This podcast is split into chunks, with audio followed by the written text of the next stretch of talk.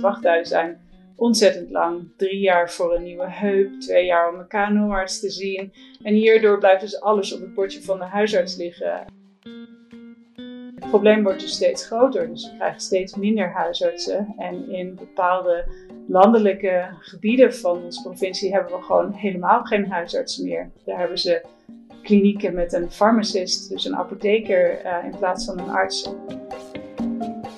Ik ben Danka Stuiver en in deze podcastserie ga ik in gesprek met Nederlandse artsen die, net als ik, wonen en werken in het buitenland. Waarom besloten zij te vertrekken en waar lopen zij tegenaan? Ik neem je mee over de grens naar steeds een ander land met een andere cultuur en taal en een ander zorgstelsel. Vandaag gaan we naar Canada en spreek ik met huisarts Nathalie de Bruin. Zij werkte tien jaar als HITA, huisarts in loondienst, in Nederland en besloot toen om met haar man en twee kinderen van destijds 8 en 9 jaar oud te verhuizen naar Calgary, Alberta. Nathalie, welkom. Hi, Danka. Dank je voor de uitnodiging. Ja, want vertel eens, het is alweer 14 jaar geleden dat jullie naar Canada vertrokken. Um, wat maakte dat jullie destijds die stap waagden?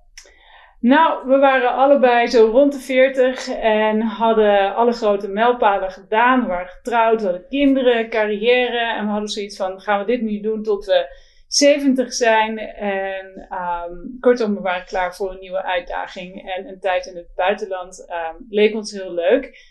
En waarom Canada? Omdat we het gevoel hadden dat dat een goede toekomst bood voor, uh, voor onze kinderen. En ja, het is gewoon een heel erg mooi land. Ja, ja, daar gaan we het straks ook nog uh, absoluut over hebben. Maar we gaan het eerst hebben over jouw, uh, jouw huisartsenwerk. Hè? Want jij mm -hmm. werkt nu als praktijkhoudend huisarts in een praktijk met ongeveer 2400 ingeschreven patiënten in Calgary. Ja. Nou, dat lijkt, dat lijkt, dat klinkt vergelijkbaar met de Nederlandse huisartspraktijk, maar dat is het niet, hè? Um, ik moet zeggen, het werk in Nederland um, verschilt best op heel veel vlakken van hier. Sommige dingen zijn beter, andere dingen zijn minder goed. In Nederland deed ik bijvoorbeeld veel acute geneeskunde, huisbezoeken en palliatieve zorg. Um, hier is het anders. De mensen komen naar de kliniek en als ze te ziek zijn om naar de kliniek te komen, dan bellen ze een ambulance om naar het ziekenhuis te gaan. In, hier in Canada is een normpraktijk 1250 patiënten, dus aanzienlijk lager dan in Nederland. Um, dus ik heb een, een wat grote praktijk. Um, waarom dat is, is omdat er een heleboel artsen die we in Nederland wel hebben, hier niet zijn. Geen bedrijfsartsen, nauwelijks verzekeringsartsen, geen consultatiebureauartsen. Uh, dus de huisarts doet de, de prenatale zorg tot 26 weken. Geen jeugdartsen. Um, en eigenlijk vind ik vooral dat laatste wel heel erg leuk. Um, want mijn patiënten die leer ik dus kennen als ze nog in de baarmoeder zitten. En ja. um, ik heb ze in theorie tot ze volwassen zijn. een ander ding is dat om een patiënt te verwijzen moet je een diagnose hebben. dus als je bijvoorbeeld een kanker vermoedt, moet je een biopsie regelen. Uh, en dat is best een heel gedoe, een heleboel regelen, veel telefoontjes, dat soort dingen. Um, een voorbeeld, ik had, dat is alweer een poos geleden, maar een, een, dame met nou ja, symptomen uh, die heel erg sterk, sterke verdenking gaven op pancreaskanker. Uh, dus ik had een echo besteld en die inderdaad bevestigde dat daar een kanker leek te zitten op de pancreas. Nou, in Nederland zou je dan zeggen van ik bel met het ziekenhuis, maar hier niet. Ik moest eerst pathologie hebben en Um, dat gaat allemaal niet zo heel erg makkelijk. Moet je eerst uitzoeken wie dat dan voor je kan doen. En um, uiteindelijk dus heel veel vertraging voor de patiënt um, en heel veel werk voor mij.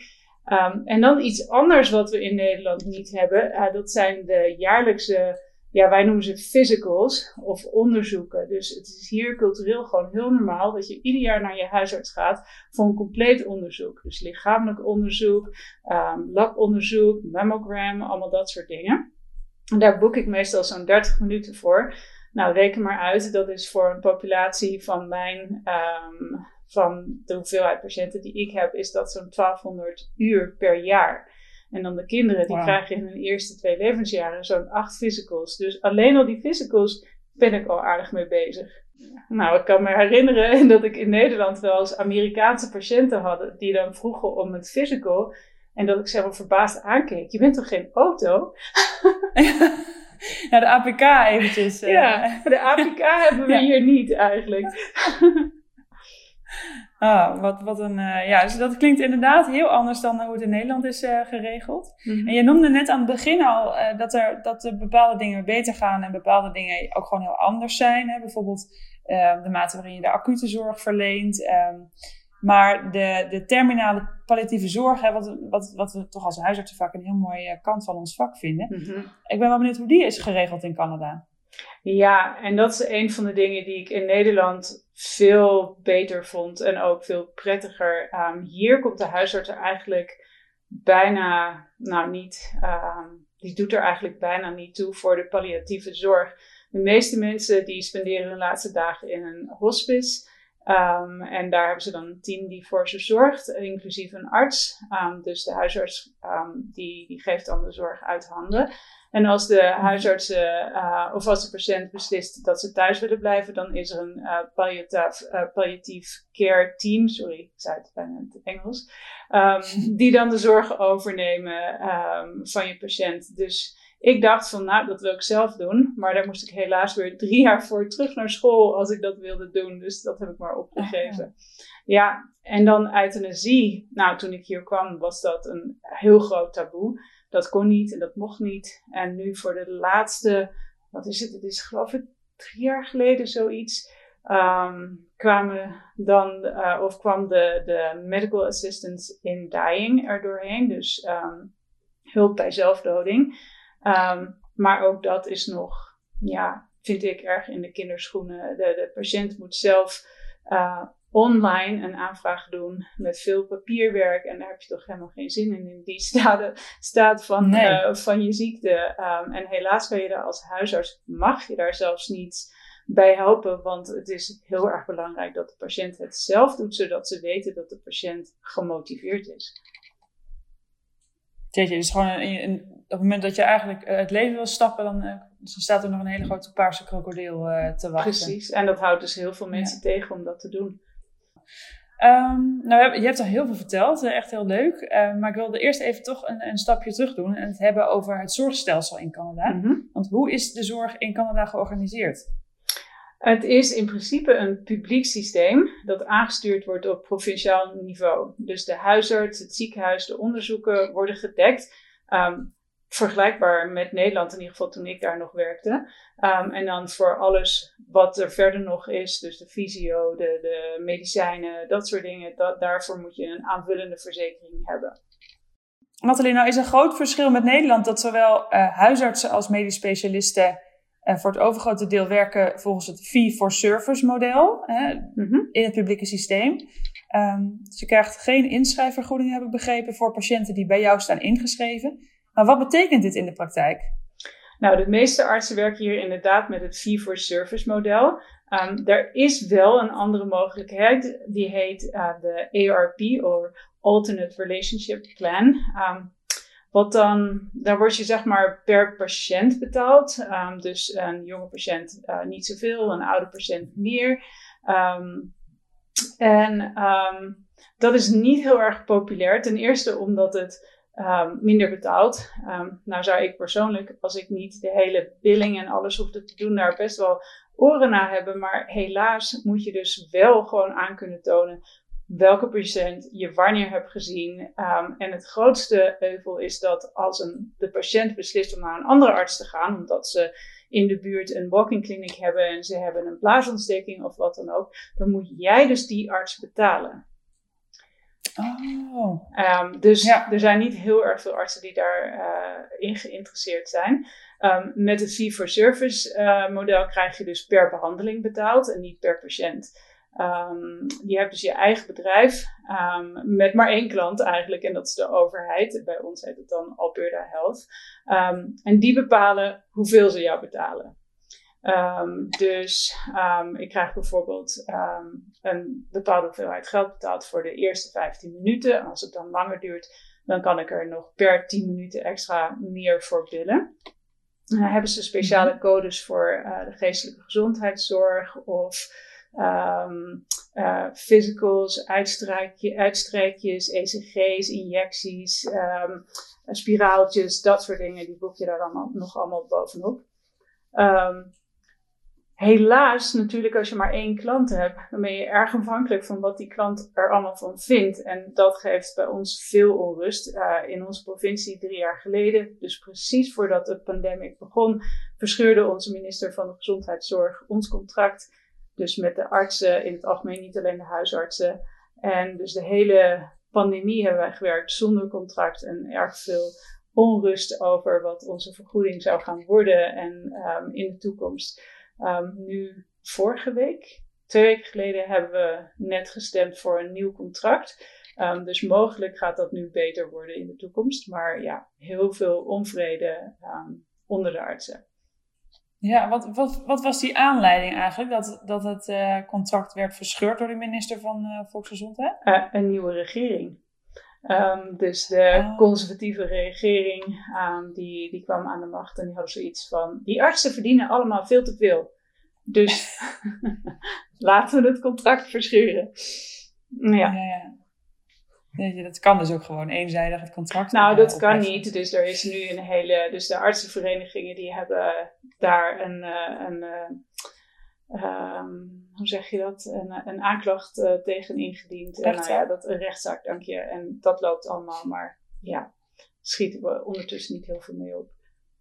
Nee, nee lastig. Ja. Nee, dat is natuurlijk een soort van monopolie-positie. hè? Precies.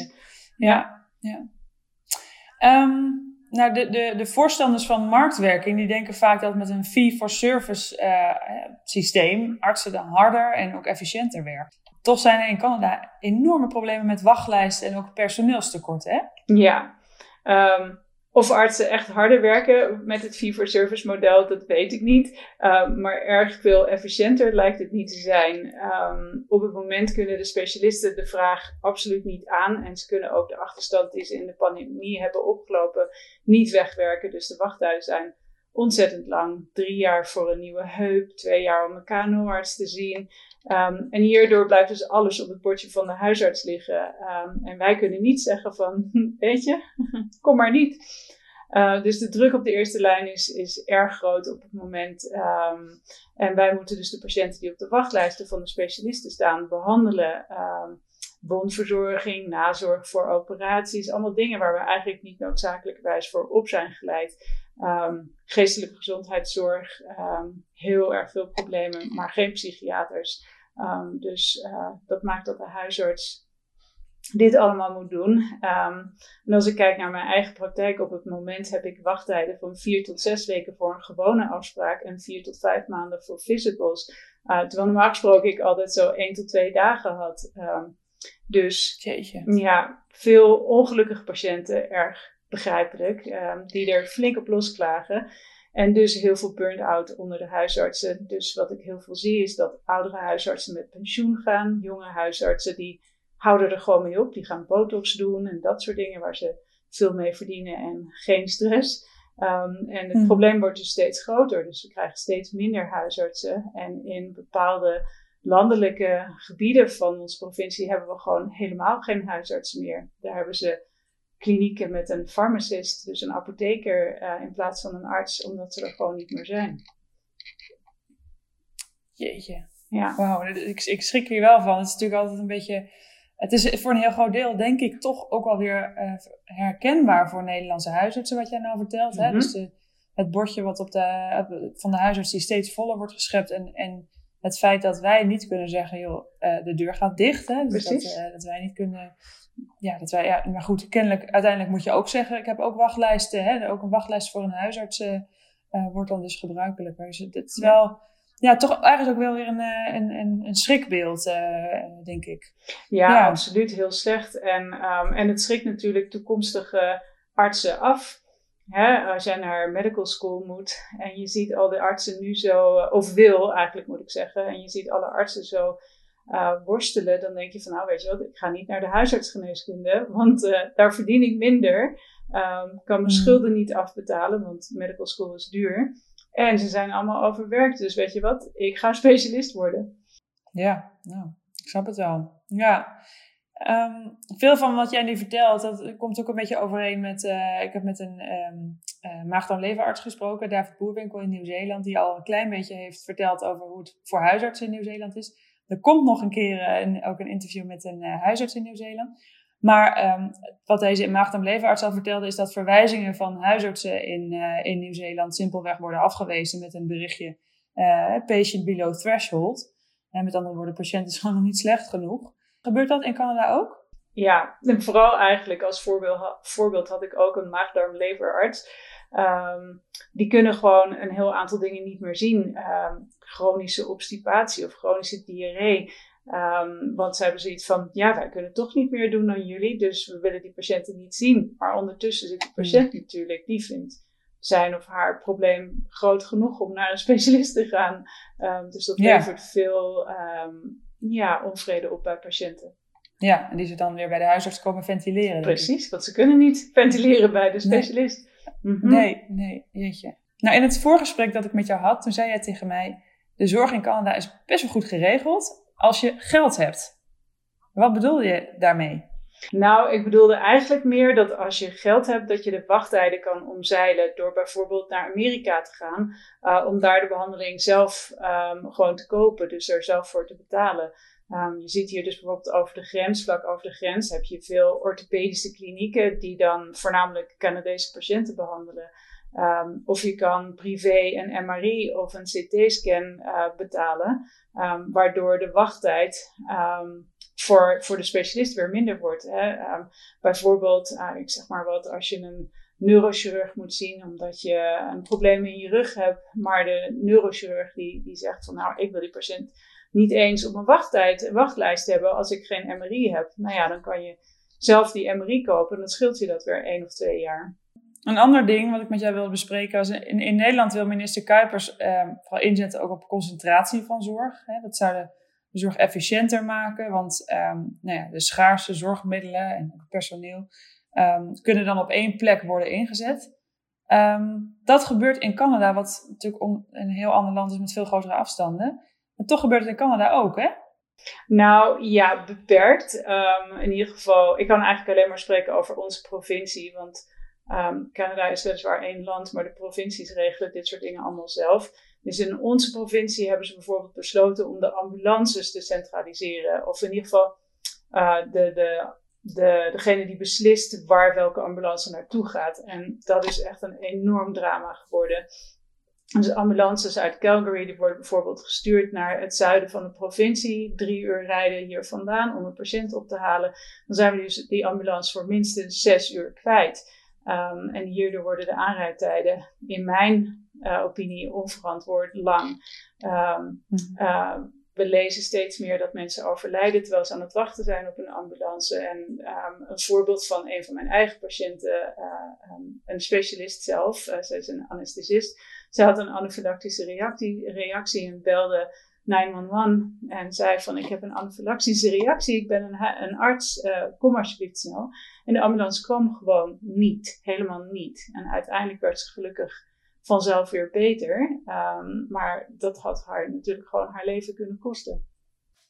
het, het, klinkt alsof je toch behoorlijk wat uitdagingen kent hè, nu in je huisartsenvak. En dat uh, überhaupt de gezondheidszorg in Canada nou, toch best wel wat, wat uh, ja, moeizame kanten heeft. Um, maar je bent er al 14 jaar, dus ik ben wel benieuwd, was het nou altijd al zo? Of is dat pas sinds de laatste tijd? Nou, ik ben heel blij dat je dat vraagt, want ik denk dat over de hele wereld de, de gezondheidszorg op het moment enorm te lijden heeft van 2,5 jaar uh, pandemie. Um, nee, het was zeker niet altijd zo. Um, voordat de pandemie begon, uh, had ik niet zulke extreme wachttijden. Um, de specialisten hadden wel wachttijden en die vonden we toen heel heftig, maar niets vergelijken met hoe het nu is. Dus ik denk wel dat, dat de vragen nu allemaal negatiever worden beantwoord dan ik 2,5 jaar geleden ze had beantwoord. Ja, als we deze podcast uh, twee of drie jaar geleden hadden opgenomen, dan waren de antwoorden inderdaad wat, uh, wat rooskleuriger geweest. En waarschijnlijk wel, maar dat scheelt. Ik denk dat dat waarschijnlijk wel voor de hele wereld geldt op het moment. Ja, ja. nee, dat is zeker waar. Ik heb daar nu, ik zat laatst uitrekenen, volgens mij uh, rond de 15 of 16 uur opgenomen.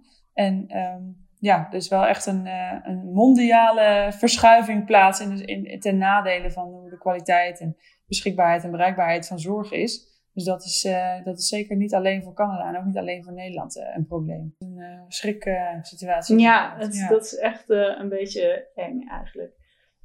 Ja, het is echt een heel ongewenst, ongewenst situatie, denk ik, die we ook in Nederland echt niet moeten willen. Nee. Um, iets anders. Ik sprak eerder met een, um, met, ook met een arts in Noorwegen over de oorspronkelijke bewoners, de Sari. Wordt ook wel oneerbiedig de, de Eskimo's genoemd.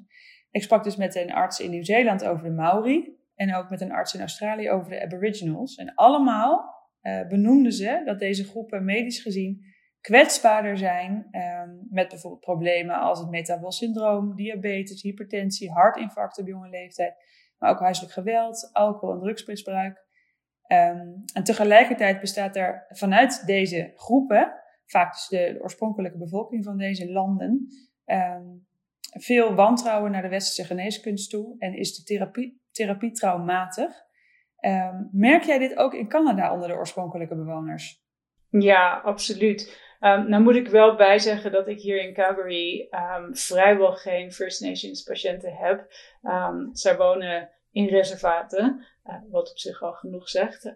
maar daar, daar hebben ze meestal hun eigen huisartsen waar ze dan naartoe gaan.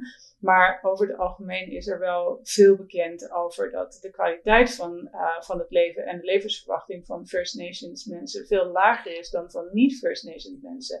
En ze leven vaak in armoede, hebben geen werk, um, geen goede toegang tot scholing. Ze wonen vaak veel afgelegen, uh, zonder goed schoon drinkwater, geen goede huizen. Um, en dan hebben ze een collectief trauma uh, van de residential schools. Um, waarbij ze de kinderen uit de dorpen haalden en in scholen stopten en, en probeerden, zoals ze dat destijds beschreven, de Indiaan uit de Indiaan te halen. Veel trauma. En uh, wat ik ook veel zie is dat er verhalen zijn van First Nations mensen die gediscrimineerd worden, niet goed wordt behandeld op de eerste hulp. Uh, ja, dat is absoluut een probleem. Nou weten we dat veel medische hulpvragen voorkomen uit problemen in het sociale domein. Je noemt er net al een paar, de armoede, huisvesting, onderwijs. Ja, mensen die geen bestaanszekerheid hebben, die vragen meer medische zorg. Mhm. hoe, hoe is dat geregeld? Hoe is het sociale systeem? Ja, nou, ik denk dat het uh, bij ons het meest schrijnend en duidelijk is in de First Nations populatie. Uh, maar over het algemeen is hier weinig sociaal vangnet. Um, er is wel een minimumloon, maar geen bijstand. Dus als je werk hebt, dan is het wel oké. Maar als je geen werk hebt, dan kan het dus zomaar gebeuren dat je gewoon helemaal geen geld hebt. Um, dus uh, het aantal mensen dat zeg maar, op straat leeft, wordt groter en groter. En dat is met ons klimaat, waar het in de winter gewoon rustig min 30, min 35 kan zijn, uh, natuurlijk heel erg gevaarlijk. Um, ja. En dat levert hele volle shelters op, uh, waar ze natuurlijk in de, in de pandemie, maar in het algemeen ook veel besmettelijke ziektes hebben. En ja, niet een goede situatie. Nou, het klinkt uh, alsof het gras hè, qua organisatie van zorg en, en welzijn ook dus zeker niet per se groener is in Canada. Um, toch ben jij er al 14 jaar. En uh, heb je mij ook al verteld dat je daar met heel veel plezier werkt. Wat, wat maakt dan dat je daar zo veel plezier hebt in je werk? Nou, als ik heel eerlijk ben, dan denk ik dat waar ik ook werk, um, ik het gewoon altijd, het huisartsenvak, met plezier zal doen. Want ik vind het gewoon een heel erg mooi en heel erg belangrijk beroep. Um, maar um, ja, ik moet zeggen, de, de Canadese patiënten. Um, ik zeg altijd tegen mijn collega's dat ik hele goede patiënten heb. En, en dat is ook zo. mensen zijn plezierig om mee om te gaan. Je hebt altijd er mensen tussen zitten die moeilijk zijn. Maar over het algemeen, mensen zijn gewoon aardig. Uh, ze zijn blij met wat je voor ze doet. Um, een ander groot verschil uh, is dat in Nederland werkte ik als uh, huisarts in dienst van een andere huisarts. En hier heb ik mijn eigen praktijk. En dat vind ik zelf heel prettig. Ik kan gewoon bepalen hoe ik de dingen wil doen, um, wanneer ik wil werken, um, wat, hoe ik wil werken, hoe lang ik patiënten wil zien, dat soort dingen. Um, en dan een ander heel groot voordeel is, dat is alleen maar in de steden. Maar in de steden heb je primary care networks. Waar huisartsen um, zeg maar werken die graag diensten doen. Um, en dus als je niet wil, hoef je helemaal geen diensten te doen. Um, en dat doe ik dus ook niet. Ehm, dus in principe kan je gewoon van 9 tot 5 werken. Ehm, helaas komt het daar in de praktijk natuurlijk niet, uh, niet uh, van, omdat ik ook meeste avonden gewoon werk om alle achterstandwerk te, weg te werken. Um, mm-hmm. En iets anders, um, wat jij mij vertelde en wat ik ook van andere huisartsen heb gehoord, is dat in Nederland op het moment de druk van de verzekeringen um, heel hoog is om goedkoper te werken. En ja, dat hebben wij niet, omdat we maar één klant zogenaamd hebben en dat is de regering. Ja. Dat maakt wel heel veel uit. Dus ja, uh, ik werk hier inderdaad met plezier. Nou, het inkomen van een praktijkhoudend huisarts in Canada ligt aanzienlijk hoger dan in Nederland. Kun je iets vertellen over hoe jouw inkomen nu verschilt van dat uh, van in Nederland? Ja, nou je verdient hier inderdaad uh, aanzienlijk meer, wat natuurlijk ook bijdraagt aan plezier, meer plezier in je werk. Um, ja. Uh, maar voor mij is het wel moeilijk om te vergelijken, omdat ik in Nederland natuurlijk in loondienst werkte en hier mijn eigen praktijk heb. Um, maar van wat ik begrijp van mijn collega's, hoeveel ze destijds verdienen en hoeveel ik verdien, dan, dan is dat wel rustig twee tot drie keer zoveel. Nou, toen ik hier in Canada kwam, was de cost of living um, wel behoorlijk lager dan in Nederland. Um, maar dat is intussen wel bijgetrokken. Ik denk dat dat wel vergelijkbaar is. Um, wat hier duurder is, dat is een beetje Amerikaans, dat zijn alle verzekeringen. Dus de arbeidsongeschiktheidsverzekering, je aansprakelijkheidsverzekering, ook de beroepsverenigingen zijn, zijn veel duurder. Mm. En iets anders waar wij helemaal niet bij stil hadden gestaan. Um, in Nederland is natuurlijk al het onderwijs ge gesubsidieerd en hier niet. Um, dus um, ja, we hadden geluk dat uh, toen we hier kwamen, we iemand hadden die ons een beetje vertelde hoe het werkt. Dus die had gezegd, nou je moet in de regio gaan wonen waar een goede school is. Want je hebt hier dus geen vrije keuze voor scholen, voor de, voor de publieke scholen, wel voor de privéscholen. Um, dus gelukkig mijn kinderen zaten op een goede publieke school, want een privéschool kost zomaar 30.000 dollar per kind per jaar. Uh, ja. ja. En dan het voortgezet onderwijs is ook erg duur. Um, mijn oudste die is, die is klaar met de universiteit, mijn jongste die zit nog op de universiteit. En ik denk als ze allebei klaar zijn, dan hebben we zo rond de 250 tot 300.000 dollar uitgegeven hieraan. En ja, ja. Uh, dat, uh, dat moet je gewoon uit je gewone inkomsten halen. Um, en dan wil mijn jongste wil eigenlijk naar medical school hierna, um, wat dan nog zo'n 300.000 dollar daarbovenop is. En zeg jij dan tegen haar dat ze huisarts moet worden? Of zeg je dan, word maar specialist, word maar, word maar medisch specialist? Ja, nou, op dit moment heb ik zoiets, moet je wel arts worden? ja, überhaupt, ja. ja um, snap ik ook wel, ja. ja. Ja, en wat ik me nog afvraag, want je had het net al over dat je niet verplicht bent om diensten te doen. In Nederland moet je natuurlijk voor je herregistratie moet je een x aantal diensten uh, per jaar doen. Um, in Scandinavië eh, vertelde de huisarts die ik daar sprak ook al, ja, dat wanneer je daar eenmaal geregistreerd staat als huisarts, dan ben je dat voor het leven. Er is geen herregistratie. Maar in Canada is er, is er wel een herregistratieplicht, hè? Ja, het zou wel fijn zijn om helemaal geen herregistratie te hebben. Scheelt een hele Dan moet je naar Noorwegen en Zweden. Dat, uh, ja. ja. Um, nee, het is vergelijkbaar met in Nederland. Het enige wat dus anders is, dus dat je geen diensten hoeft te doen. Maar verder wel, je moet een bepaalde hoeveelheid nascholingen doen. De 360 graden feedback, uh, al die dingen. Dat is eigenlijk allemaal uh, vergelijkbaar. En dan iedere vijf jaar moet je weer opnieuw je registratie aanvragen. Nou, ik hadden het net al even, je zei al van Canada is gewoon een heel mooi land. En een, een land waar je graag je kinderen op uh, wilde laten groeien. Ik ben wel heel erg benieuwd, wat doen jullie als jullie vrij zijn? Nou, wij genieten enorm van alle mooie natuur hier. Uh, dat is echt voor ons de hoofdreden dat we hier naartoe zijn gekomen. Um, als ik heel eerlijk ben, als je voor, van cultuur houdt, moet je niet hier naartoe komen. Dan, nou ja, misschien naar het oosten van Canada, maar niet hier naar het westen van Canada. Want cultuur is er niet heel erg veel. Maar we hebben prachtige bergen. De provincie naast ons heeft, heeft de oceaan natuurlijk. Dus we kamperen veel. Ik heb een paard. We hebben drie honden. We hiken, biken, langlopen, skiën, zeilen. Het is, het is heerlijk. En toen de kinderen nog op school zaten, woonden we buiten de stad op een heel groot um, eigen terrein waar ze veel buiten konden zijn. Um, en zij deden ook, heel ongebruikelijk voor in Nederland, um, zij zaten in een ski racing team, dus een downhill racing team. Dus iedere week waren wij op de, op de ski uh, heuvel uh, om met de kinderen te skiën. Dus ja, heel erg leuk. Nathalie, heb jij nog tips voor luisteraars die overwegen om ook naar Canada te verhuizen? Nou, er is natuurlijk heel erg veel veranderd sinds ik hier ben gekomen. Ehm, wat ik begrijp van uh, collega's die ik wel spreek, die op dit moment proberen um, dit proces door te gaan, is dat het heel lang en moeizaam proces is met een hele onzekere uitkomst. Um, en als het dan al lukt om er doorheen te komen, dan moet je de eerste vijf jaar verplicht ergens werken waar er een heel schrijnend tekort aan huisartsen is. Dus je hebt zelf helemaal geen controle over waar je terechtkomt. En over het algemeen is dat dan op hele afgelegen plekken. Mhm. Waar, waar de Canadese artsen op dit moment uh, niet willen of kunnen werken. Um, maar als het dan eenmaal allemaal gelukt is, dan denk ik dat het zeker de moeite waard is. Als je tenminste van het buitenleven houdt. Um, ik denk wel dat het handig is um, om een cursus Engels te doen. Of als je in Quebec wil, wil werken, om een cursus Frans te doen. Want het valt eigenlijk best heel erg tegen. In Nederland denken we allemaal dat we geweldig Engels spreken. en dat is ook zo.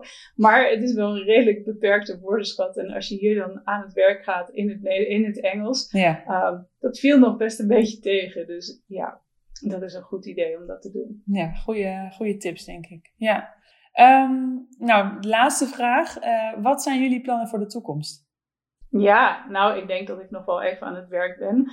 Uh, de komende tien jaar of iets denk ik wel dat ik, uh, dat ik nog zal werken als huisarts. Hopelijk niet meer vijf dagen per week. Um, en dan daarna, ja, er is hier zoveel moois te zien. Lekker rondreizen, dat soort dingen. Ja, leuk. Je, terug naar Nederland, zou je dat nog willen?